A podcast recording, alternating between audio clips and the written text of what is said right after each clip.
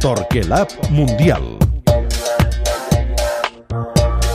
T'ha agradat Holanda, m'has dit, eh? M'ha agradat Holanda... No brillant, però sí intel·ligent, no? Sí, molt intel·ligent el plantejament de Van Hal, eh, sobretot perquè ha fet el que ha molestat més a Xile, que és estat donar-li la pilota, donar-li la iniciativa. Recordem que Holanda li valia l'empat per ser primera de grup i aquí s'hi ha repenjat. No ha sortit amb cinc defenses, ho ha fet amb quatre. Eh, això sí, amb un marcatge individual home a home per tot el camp que feia que els tres migcampistes de Xile no entressin en el partit, que Xile no rebés cap pilota amb avantatge, que els davanters sempre rebessin d'esquena, que el trànsit de la possessió de l'equip de Sant Paoli no fos fluid i que Xile tingués molta pilota entre els tres centrals, perquè Xile sí que ha jugat amb tres centrals, i que no avancés. I ha tingut el partit encallat tàcticament Fanjal, que no passés gaire cosa.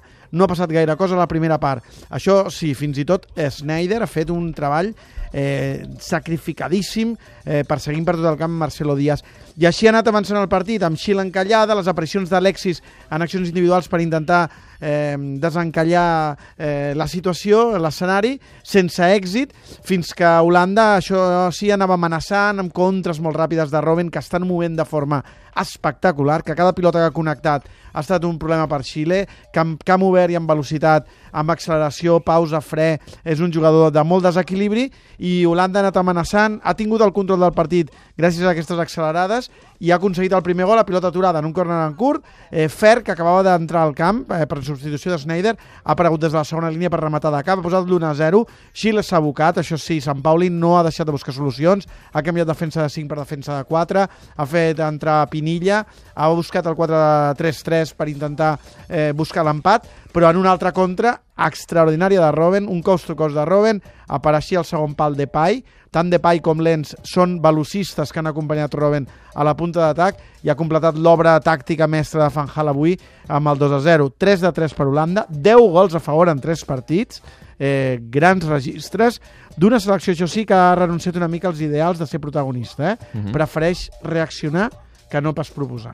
Eh, I això que Fanjal sempre havia estat sí. molt contundent i molt, gairebé sí. diria que integrista del seu sistema, sí, de jugar a l'atac, dels seus principis, i en canvi aquí fa la, la impressió que si n'ha de renunciar per un partit no té cap mania per renunciar-hi perquè això li, li acaba donant beneficis. És més, et diria que gairebé renuncia més, eh, se sent més còmode en la renúncia. Que era una passar... de les crítiques que se li feia, Correcte. és a dir, no renuncia mai als seus principis quan a vegades potser li aniria més bé. Li va, ho està fent. li va passar contra Espanya, tenia el partit al cap, amb cinc defenses pilota a l'esquena dels centrals, esperar.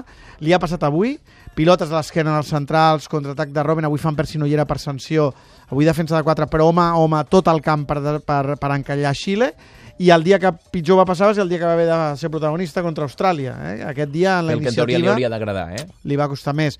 Per tant, entenc que Holanda se sentirà més còmode a la contra, sobretot amb Robben i Van Persie al davant i amb, aquesta, amb aquest control tàctic del partit, aquesta visió privilegiada de Fanjal des del punt de vista defensiu dels partits en aquest campionat, que no pas si algun dia li toca tenir la iniciativa i el rival li dona la pilota. Molt bé, doncs al final, Holanda primera, Xile segona, aquest grup es creua amb el grup del Brasil.